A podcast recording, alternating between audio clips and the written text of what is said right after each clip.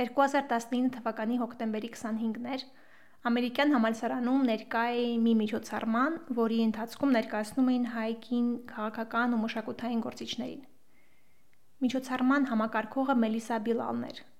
Մելիսան հումանիտար ու սոցիալական գիտությունների պրոֆեսոր է, դասավանդում է Հայաստանի ամերիկյան համալսարանում։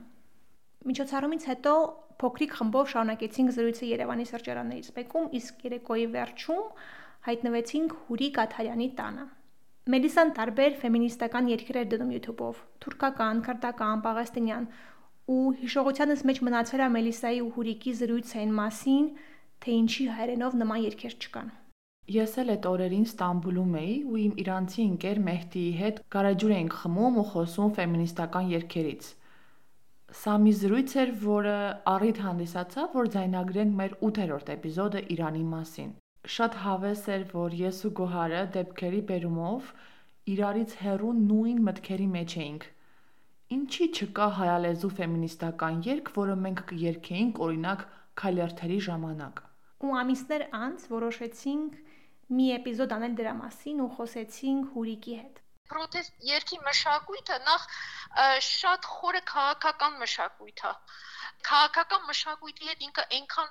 շատ ընդելուզված եւ արկածված է եւ այդ իրար հետ են իրանք հասունանում քաղաքական պրոտեստը եւ քաղաքական շարժումը մեկը մյուսին է տնում օրինակ երբ որ նայում ես ամերիկայի միացյալ նահանգների 19-րդ դարի վերջի կամ 20-րդ դարի սկզբի շատ շատ շատ կարևոր աշխատավորական շարժումներին տեսնում ես որ ոնց է դա ծնվել արմիությունների ծնունդի հետ միասին, աշխատավորների բողոքի շարժումների հետ միասին եւ տեսնում ես որ իսկապես այդ մշակույթը մեկը մյուսին սնուցում է եւ դժբախտաբար երևի այստեղ այդ քաղաքական հասունության մշակույթը չկա եւ դրա հետ նաեւ քաղաքական պրոտեստ երկերի բացակայությունը կա Հուրիկ Աթարյանը PhD է արել McGill համալսարանում Ներկայումս Հայաստանի ամերիկյան համալսարանում դասավանդում է բանավոր պատմություն, կրթության փիլիսոփայություն, սոցիալական շարժումների, գենդերային ու սոցիալական փոփոխությունների պատմություն։ Հուրիկին զանգեցինք երեկոյան ու գտանք նրան հոգնության մեջ։ Ողջ օրը իր այգին էր մշակել ու չնայած դրան հաճիկով զրուցեց մեզ հետ։ Եվ իհարկե, երբ որ քաղաքական մշակույթի հասունացման եմ խոսում, չգիտեմ, մեկ-մեկ իմ համար մի քիչ շատ հստակ է, բայց պետքա երևի ավելի հստակացնեմ, կոնկրետ նաև խոսում եմ ցախական շարժման մասին։ Ցախական շարժման գոյության հասունության մասին։ Այ մի բան, որը շատ շատ շատ բացակայում է կոնկրետ մեր այսօրվա կյանքում Հայաստանում։ Մեզ հետաքրքրում էր արդյոք շարժումն է ծնում երկ, թե երգը նույնպես կարող է ծնել շարժում։ Իրականում կարող է, բայց բողոքի երգերը վակյումի մեջ չեն կարող լինել եւ իրանք նաեւ պետք է ապրվող երգեր լինեն։ Նաեւ իրանք իրանք իմաստը ստանում են շարժումի մեջ։ Եթե երգը շարժում չծնեց, երգը հետո ասենք մնում է օթի մեջ կամ մնում է իր պոետիկայի մեջ, իր լիրիկայի մեջ, իր մեղեդայնության մեջ կարող է շատ գեղեցիկ լինել, շատ հետաքրքիր լինել, բայց ապրված փորձառություն է պետք իրան աշխատավորական շարժման եւ արմիությունական շարժման շատ նշանավոր երգերից, ասենք Which Side Are You On երգը, որը շատ բարձ հարցնում է դու ում կողմից ես, արմիության կողմից ես, գործաթուլի հետ ես, թե գործատերի հետ ես։ Which side are you on? Which side are you on? Երբ որ նայում ես այդ բողոքի երգերի եւ արունակությանը եւ ասենք իրենց ընդհանուր այդ հոլովույթին եւ կյանքին եւ ոնց են իրենք սիմվոլներ դառնում, դու հասկանում ես, որ ինքը այդ փորձառության հետ է կապված։ Հուրիկը ծնվել է Բեյրութում ու իր քաղաքացիական գիտակցությունը ձևավորվել ու զարգացել է շատ հետաքրքիր պատմական կոնտեքստում։ Նա պատմեց, որ 70-ական թվականներին Լիբանանի քաղաքացիական պատերազմի ժամանակ հայտնի երաժիշտ Մարսել Խալիֆեն երգի ավերածել պաղեստինյան ազատագրական շարժման համար շատ կարևոր դերակատարում ունեցող մի գրողի՝ Մահմուդ Դարվիշի բանաստեղծությունները։ Հուրիկը կիսվեց Խալիֆեի համերգին գտնվելու սեփական փորձից ու զգացողություններից։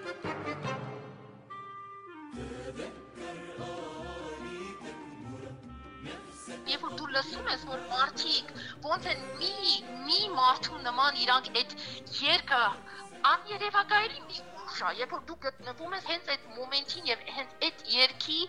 կատարման մեջ, այ դրա մեջ է նաեւ բողոքի երկի ուժը թե ինչ է նշանակում, երբ որ դու այդ երգը առանձին ես լսում, քո առանձնության մեջ եւ ինքը քեզ ոնց է հուզում, նաեւ այդ փորձառությունը, երբ որ դու գիտես, որ դա միան քեզ չի, որ նույն ձևի հուզում է, այլ մի ամբողջ բազմության է հուզում։ Չնայած նրան, որ ֆեմինիստական շարժումը Հայաստանում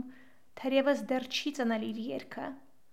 այնուամենայնիվ մենք որոշեցինք փորփրել ու գտնել, թե վերջին 30 տարվա ընթացքում ընդհանրապես ինչ երգեր կան կանանց փորձի մասին Հայաստանում։ Այսօրվա էպիզոդը հենց դրա մասին է։ Ինչպես են հայ կանայք իրենց հուսահատությունը, տխրությունը, բողոքը, ողքեվորությունը, անհամաձայնությունը, վիրավորանքը, պայքարը, իրենց կյանքը, իրենց ապրած փորձը երկ դարձնում Ոնց է էմոցիան ապրում երգի մեջ, շրջանառվում, ճամփորդում, լսարան ու խոսակցություն ձևավորում։ Ական ջ օղ ականջող մտքի եւ զգացմունքի պայթյուններ կանանց փորձի վերլուծություն ականջողը առաջին հայկական ոդքասթն է ֆեմինիզմի մասին ձայնի ճամփորդություն ֆեմ աստվածուհիների։ Okay, լրջացանք։ Անահիտի ու Գոհարի հետ հայկական ֆեմինիստական երգեր գտնելու մեր ոդիսականը սկսեցինք ծանոթ ընկերներին հարցուփորձ անելուց։ Առաջինը Շուշան Ավակյանն էր, ով գրողը, թարգմանիչ, ինչպես նաև տարօրինակելով Երևանը կոլեկտիվի անդամ։ Պետքա ծոմակի հետ խոսալ, եթե կարաք ծոմի հետ այդ ամենաճիշտն է։ Ծոմակը բնակվում է Շվեդիայում, ու մենք օգտվելով համացանցի ընձեռած բարիկներից խոսեցինք իր հետ։ Ես նեմ։ Հա։ Ծոմ ջան, բարև։ Բարև, Գորջան։ Ծոմ։ Ուզում ինձ անի չեմ Ծոմակը երաժիշտ է։ Երևանում Սոնա Աբգարյանի հետ հիմնել է Incest անունով փանկ ռոք խումբ։ Incest-ը հիմնվել է 99 թվականին Իդեան շատ տարօրինակ է հնչեն ժամանակ կար ընդհանուր մի հատ ռոք կլուբ Հայաստանում եւ կար Մոխաս անունով մի մարդ ու մի օր ասեցի ենքան կուզե խումբ ունենայի, ասեց օքեյ, հավաքի խումբ, բարի ստեղ նվագի բաման։ Ու ասեց, բայց ինչի՞ չես ուզում աղջիկների խումբ ունենաս։ Ասեցի, լույս իդեա է։ Դե ժամանակ թինեյջեր 19 տարեկան ես ընդհանրապես չգիտեի ֆեմինիզմը ինչ բան է նախև առաջ։ Սկսեցի ինչ որ կայֆ մարդկանց հravirել խումբ։ Մի աղջիկա ծանոթացա, որ որ նատա էր անունը։ Ինքը շատ այնց տպավորիչ մարդ էր։ Իրեն ասի կարաս գորաս, ասաց հա ինչ ա եղել որ, ասել մի հատ գորա։ Գորա, ասացի օքեյ, դու խմբի մեջ ես։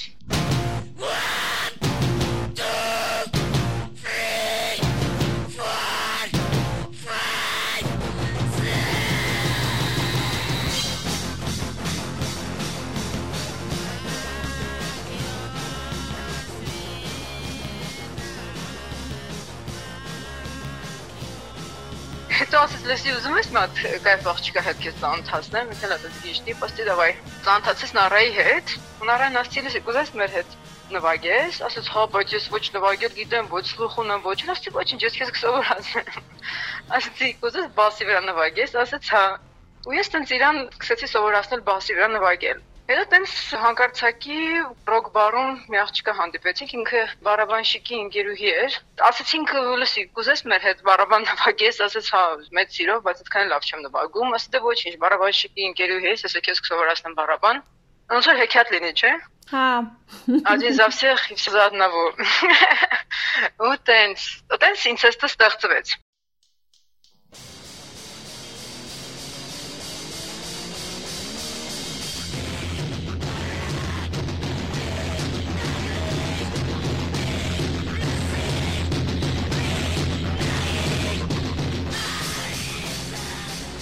Հետո ես ունեի մի հատ մոտիկ ընկերուհի, ինքը արվեստագետ Սոնա Աբգարյանն է, որը որ շատ լավ տեքստեր էր գրում։ Ես խեցի երաժշտությունը գրել։ Առաջին անգամ մենք փորձ ենք արել աթոռների վրա առանց բաս գիտարի, ակուստիկ գիտարը, մատ ոչ շատ շատ պանկ սիտուացիա էր, էլի, որտեղ մեր ժամանակ ընդհանրապես ոչ մի հնարավորություններ չկար։ Այդ թիմիկվա պես չէ, էլի, որ ինչի վրա մատը դնես, քոնը լինի։ Հենց ինձ էստը հիմնվեց ամենաառաջի գործը, գրվեց ծափիկ-ծափիկ տիրանիկը,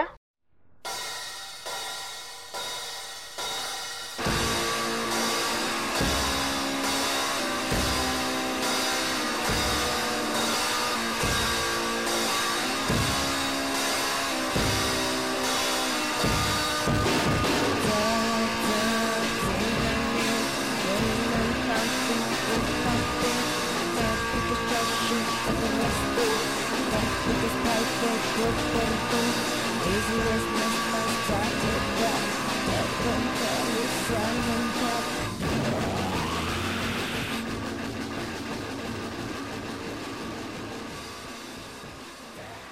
ընդհանրապես չէին սիրում, որտեղ մենք բոլորս շատ ամբոստ էինք։ Գիտես ինչն էր հետարքի, կարճ ասեմ, հայ այդ ամբողջը 5 տարվա process-ը ինցեստի հետ կապված։ Գիտես, նենց հետարքիր էր, մենք նենց մարդկանցով հավաքվեցինք, ովքեր որ ուզում էին ամբոս լինեին ու ամբոստացան։ Ինցեստ ինքը շատ ենթագիտակցական խումբ ա եղել, որտեվ իսկապես մենք ընդհանրապես գաղափար չունենք, որ մենք ֆեմինիստական գործ ենք անում։ Կարո՞ղ մեր տեքստերը շատ քաղաքական էին, ու գումարած դրան նաև շատ ցավացնող մարդկանց, որտեղ իրականության մասին էինք երկում։ Մենք ըստ դրա էինք կարող հասկանանք, թե մենք ինչքան ըմբոստ ենք։ Բայց ինչ է, որ մենք մտածել ենք, որ մենք ֆեմինիստ ենք եղել, մենք երբեք դրա մասին չենք մտածել։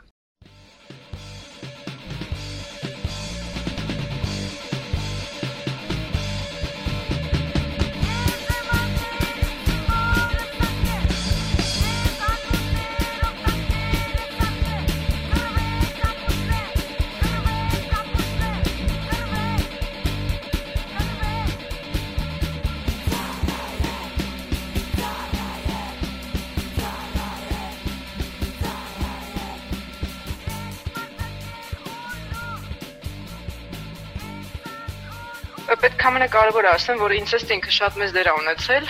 ընդհանուր առմամբ երիտասարդների փոփոխման մեջ։ Մենք շատ ուրիշ էինք հակնվում, մենք ներկում էինք մեր մազերը,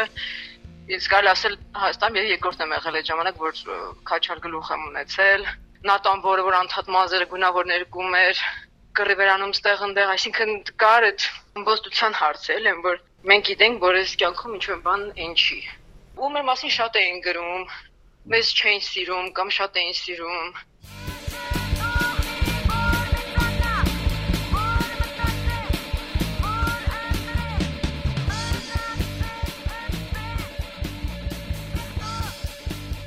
Մենք նաև անում ենք շատ հետաքրքիր պերֆորմանսներ։ Մեր պերֆորմանսները մեկը մյուսից տարբերվում էր, որտեղ իրական մարդիկ երբ որ գալիս են, իրանք չեն գալի այդքան լսեն, թե մենք ինչ ենք նվագում, որտեղ մենք ահավոր ենք նվագում, ճղճղացնում ենք, ղժում ենք։ Հիմնական գալիս են տեսնեն, թե այս անգամ ինչ պերֆորմանս ենք անելու։ Օրինակ մի անգամ նարան մեր բասիստը հակել էր հարցի շոր, որը որ սպանված է տենց արունոտ եւ այդ 2000 թիվն էր։ Ատան հակել էր սպանված զինվորի հակուստ, տենց շինելով։ Ես տերտերի շորերով էի, Իսկ բարաբանշիկը միշտ նեյտրալ էր մնում։ Բարաբանշիկը հակնում էր ինչ որ ինքը ուզում էր, որտեվ մեր բարաբանշիկները այնքան էին փոխվում, որտեվ ասում էին դուք գիժ եք, չենք ուզում ձեր հետ աշխատենք։ Ու անդադ բարաբանշիկներ էին փոխվում, ինչեվ հանդիպեցինք Արմինեին Ղազարյան Նյուսկը։ Նյուսկը ոնց կար տենց էլ մնաց ինցեստում, բայց քանի որ շատ դժվար մեզ ընտելացավ, ինքը տենց մնում էր միշտ նեյտրալ, ինքը տենց առանձնապես չէր մտնում պերֆորմանսների մեջ, ինքը մեր հետ նվագում էր ու ինքը շատ մեծ կայֆով էր նվագում։ Ասենք ես իրան սովորացեցի բարաբան նվագել, Ինքը դրանց Skype-ի մեջ ընկավ, հասկացա, որ ուզում է շարունակի, իրան դա դզում է։ Մի անգամ պերֆորմանս էին կարել, այնց համարյա մերկ, լիֆով ու տրուսիկներով ու այնց բարձր սապոգներով։ Մի օր այնց օլիգարխների պես էինք հակնվել։ Մի խոսքով շատ խելար պերֆորմանսներ են կարել։ Ու հետո վերջում դե 2004-ին ինցեստը ծրվեց։ Ծրվեց, որտեղ էլ իրար չէինք հասկանում։ Բայց ինցեստից հետո ես հասկացա, թե ֆեմինիզմը ինչ բան է անցավ մի քանի տարի, հետո ես 2006-ից երևի սկսեցի հասկանալ, որտեվ ծանոթացա կանանց սոսային կենտրոնի հետ ու տեղից վերլասել իմ ֆեմինիզմը սկսեց։ Բայց երբ որ ես գիտակցեցի ֆեմինիզմի մասին, ես նաև հասկացա, որ ես միշտ ֆեմինիստ եմ եղել։ Երբ որ նայում եմ անցյալ, թե ինչ ճանապարհներով եմ անցել, ես հասկացել եմ, որ լավ էլ ֆեմինիստ եմ եղել։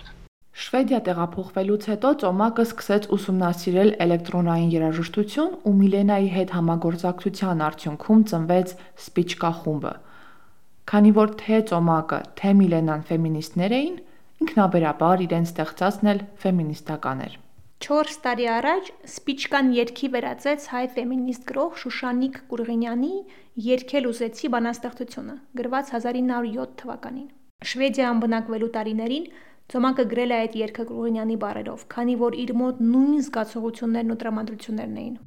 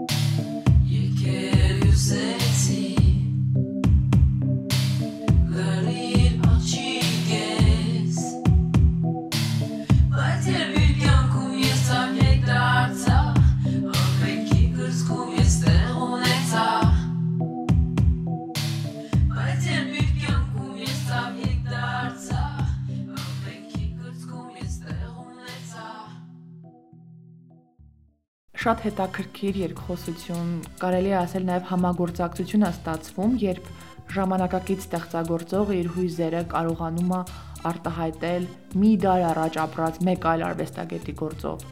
Ու դա է, որ մտածել է տալիս, թե ինչքան դանդաղ է տեղի ունենում փոփոխությունը։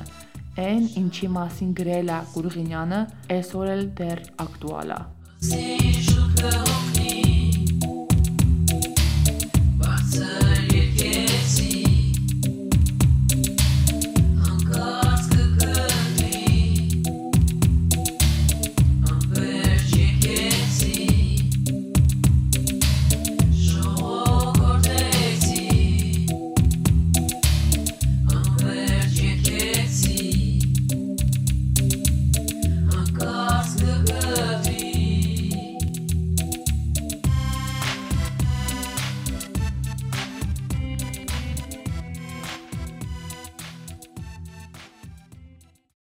Այս տարի մասնակցում էինք արդեն ավանդույթ դարձած մարտիության երթին, քայլեցին քաղաքով մեկ պաստառներով ու գորգռուկներ հնչեցնելով։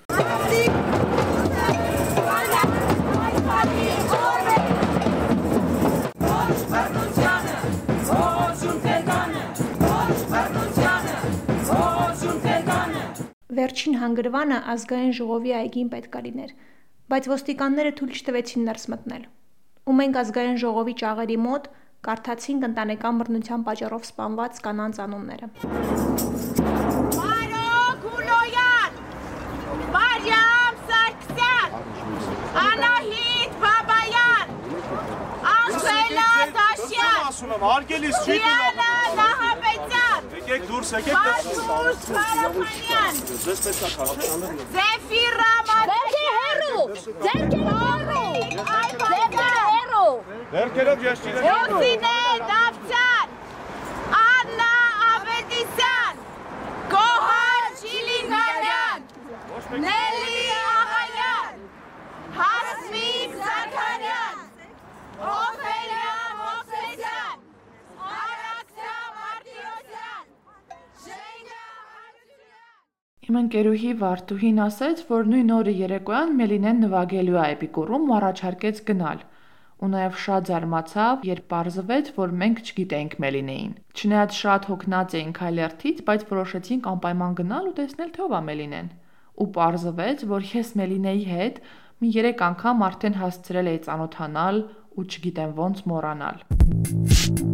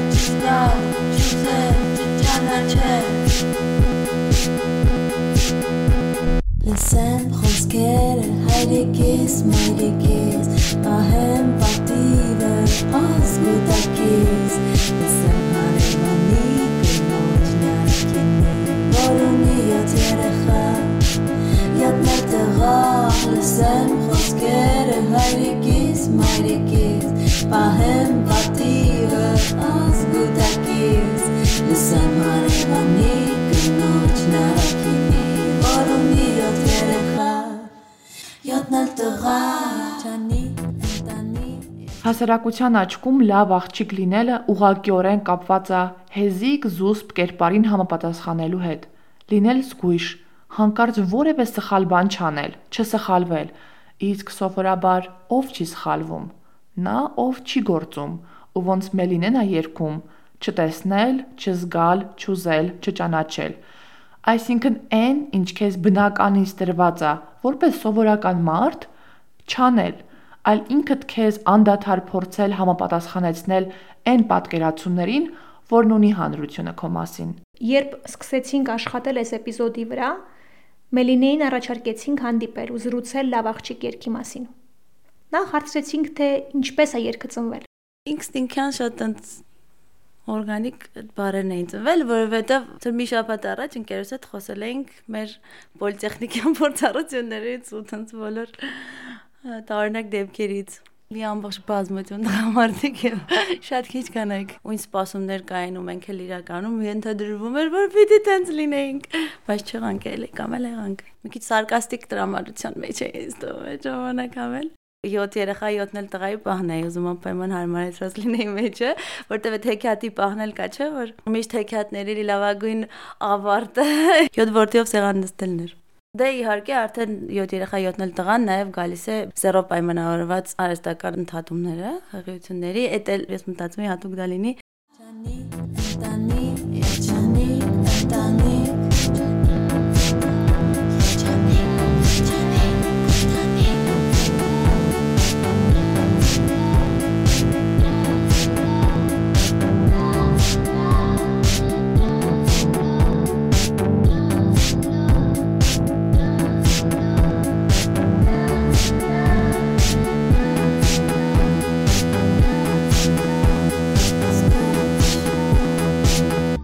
Հարցրեցինք նաև, թե ինչ արձագանքներ ա ստացել երգը։ Շատ-շատ կանայք, շատ-շատ կանայք են ասել, որ ոնց որ իրենք գրած լինեն, ոնց որ իրենց սրտից լիներ, ոնց որ այդքան նմանատիպ կոմենտներ շատ են եղել։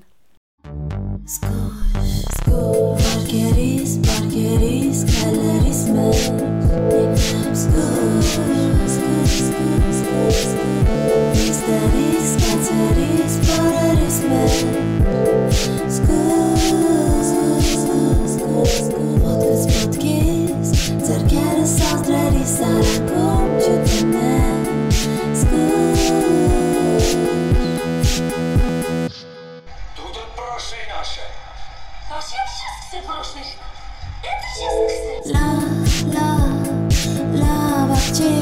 didn't know. Yeah.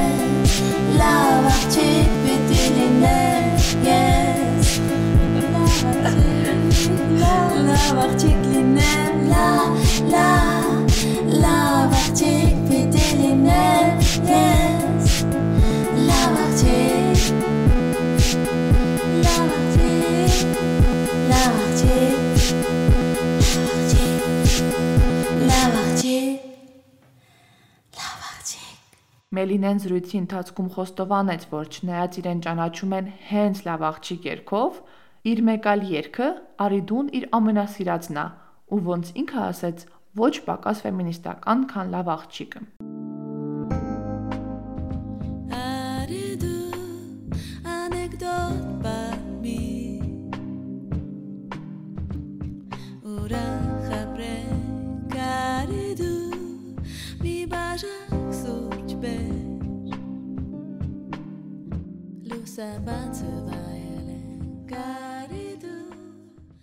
Մենք հետաքրքրվեցինք, թե ինչի մասին է երգը հարաբերությունների մասին է, դու կարող է տարատեսակ հարաբերություններ դա լինի, կամ տղամարդկին, կարող է լինի քաղաքացի եւ պետություն, այսինքն բոլոր տեսակի հարաբերություններ, որտեղ սահմանված ինչ որ դերեր կան կամ մտածած, կամ որտեղ կան դերեր, որոնք կարելի ասել անհավասար պայմաններում են։ Այդուն դրա մասին է խոսում որ ռելաքս, արնստի, բոլոր քո պաշտպանիչ բաները հանի, այսինքն որոնք քեզ ինչ-որ տեսակ ստատուս են տալիս, օրինակ այնտեղ փողկապն է, փողկապը հանի, նստի խոսենք, այսինքն նստելու պահ օրինակ իմ համար ահավոր կարևոր է, որ ասում են նստի, ոնց որ նույն մակարդակի գանք։ Մենք հասկանանք ինչ է կատարվում։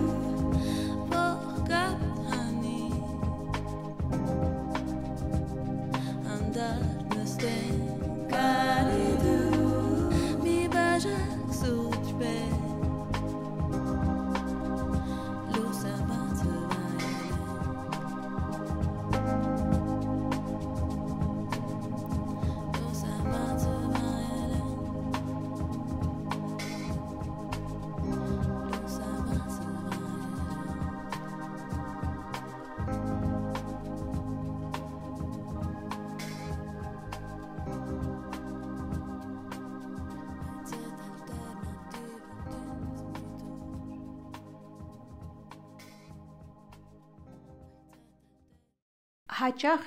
երբ ես որպես կին խոսում եմ իմ տարբեր փորձառությունների մասին տղա ընկերներիս հետ, իրանք միանգամից սկսում են պաշտպանվել ու արդարանալ լսելու փոխարեն ու արդյունքում ստացվում է ոչ թե զրույց, այլ անհասկանալի մի բան։ Իմ համար այս երգը ոնց որ հենց դրա մասին լինի։ Կամ գուցե նրա մասին, որ տղան միշտ պետքա ուժեղ լինի, իրավունք չունի փողկապը հանել, իր զգացմունքներից խոսել, քանի որ կարծում է, որ զգացմունքներ ունենալն ու ցուցադրելը թուլության նշան է։ Շատ հաճելի է լսել, թե հատկապես ինչի ամերին են սկսել ստեղծագործել։ Հայերենը օգտագործելու համար եմ սկսել երգեր գրել, որտեղ տեքստեր էի գրում ու որպեսի կարողանամ դա արագ ձևով հանրության հասցնել, դա երաժշտությունն է շատ արագ է ու հենց հայերենն է եղել նպատակը, որ հայերենով այդ ոչի մեջ նմանատիպ երգեր գոյություն ունենան դա 2014-ներ։ Ամեն պալոբան ոսկիջե ու ամեն գահի բազմով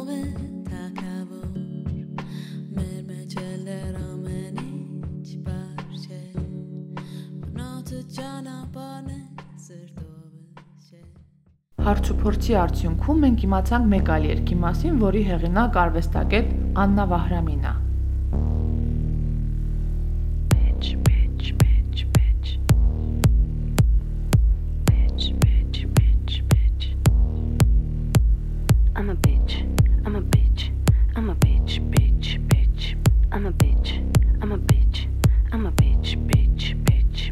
Աննային հրավիրեցինք իմ տուն ու երկար խոսացինք դեսից, դենից ու իմացանք, թե ինչ պատմություն է անկած երկի ստեղծման հիմքում։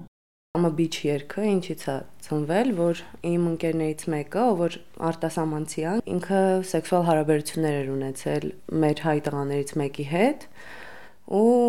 ակտից հետո ինքը կանգնում ասում է you're a bitch, ասում է բայց ինչի, ասում է դե boyfriend ունես, հետս քնում ես, ասում եմ, բայց դու էլ girlfriend ունես իմ հետ քնում ես։ Ասում եմ, հա, բայց դու ես bitch-ը, ես այդ օքեյ է, որ ես կարամ, ես կարամ քնեմ, էլի։ Ու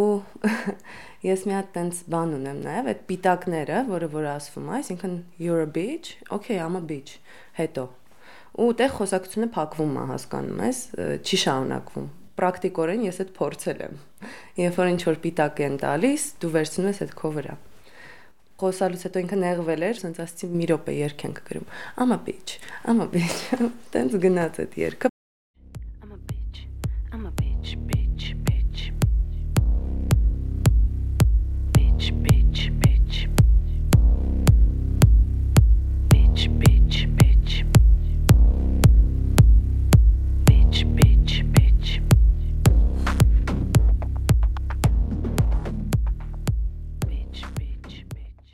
Սկզբանե պետք է լիներ երկու լեզվով՝ գերմաներեն ու հայերեն։ Ich bin Schlampe, կարծեմ, ու ես է պետք է ասեի, ես բոզեմ, այն էլ որ տենց իրար հետ չստացվեց աշխատել, ես արեցի ու անգլերենով մենակարեցի, բայց կարողա remake անենք։ Երկի մեջ ոնց էր համադրել եմ հայկ խմբի այդ քամի փչի այդ խոսքերը արի մոտես եղիր կողքս կողքս է հով է զով է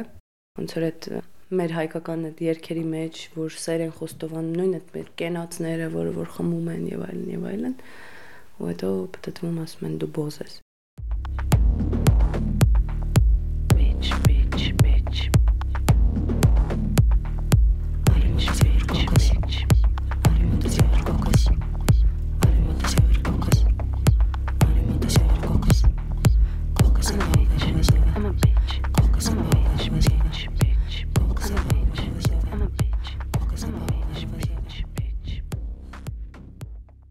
Հայկական իրականությունում շատ տարածված երևույթ է, երբ տղան սեռական հարաբերություն ունենում աղջկա հետ, ու հետո մեղադրում է նրան մի բանի մեջ, ինչին ինքը ուղակի առնչություն ու մասնակցություն ա ունեցել։ Մյուս կողմից էլ ահա որ անտրամաբանական է, որ ըստ տղայի այդ բարոյական նորմ ասվածը տարածում է միայն աղջկա վրա ու ինքը որպես սուրբ հետևում է բոլոր կանոններին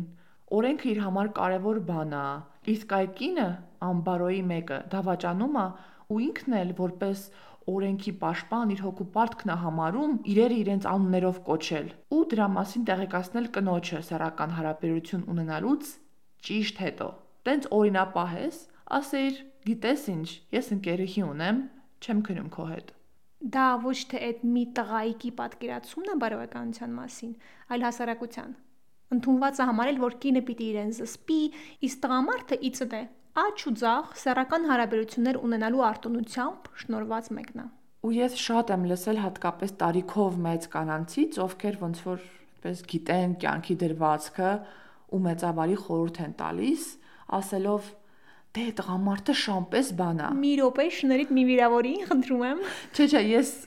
ես չեմ ասում, որ տղամարդը շուն է։ Բացարձակ այդ նկատի չունեմ, հակառակը ես վստահ եմ, որ տղամարդը կարող է իր ցանկությունները կառավարել։ Ուղղակի մոտ տպավորություն է, որ քանի որ հասարակությունը տենց ցածր սպասելիքներ ունի տղամարդուց, տղամարդն էլ համապատասխանեցնում է իր վարքը այդ սպասելիքներին։ Wash your hands. Don't touch your face. Wash your hands. Don't touch your face. Wash your hands. Don't touch your face. Don't touch your face. Don't touch your face. Աննայի հետ զրույցի ընթացքում իմացանք,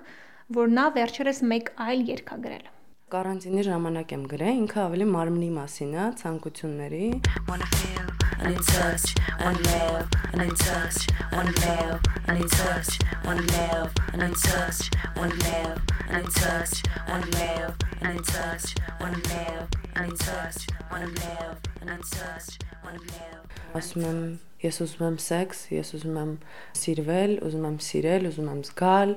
ուղղակի այստեղ քանի որ իմ անձնական պատմությունն է, ես ասում եմ take me to your current time, be my valentine, որովհետև ես պապիկի հետ եմ ապրում, ոչ մեկին չեմ կարող տուն հրավիրեմ։ Սենց ինչ որ բակա։ Take me to your current time, be my valentine. Take me to your current time, be my valentine. Take me to your current time, be my valentine. Be my valentine. Be my valentine. Ու եթե Մելինեն երգում այն մասին, թե ինչպիսին պետքա լինի լավ աղջիկը, ինչ չանելով, Աննա Վահրամին ուղակի երգում է իր ուզելը։ Երգում է այն մասին, որ ուզում է սեր ու սեքս։ Իսկ մեր հասարակության մեջ ինչքանով ընդունված, որ կինը խոսի իր սեռական ցանկության մասին ու չպիտակվի որպես անբարոյական։ Current time. Current time. Current time. Current time. Take me to your current time, be my valentine. Take me to your current time, be my valentine. Take me to your current time, be my valentine. Be my valentine. Be my valentine. Սկզբում մեզ թվում էր, թե երգ չկա։ Հետո այնքան երգ գտանք, որ ուղակի մի էպիզոդում չկարողացանք տեղավորել։ Էնպես որ մեր հաջորդ էպիզոդը նույնպես նվիրված է լինելու երկ դարձած կանանց փորձառությանը։ Մինչ հանդիպում։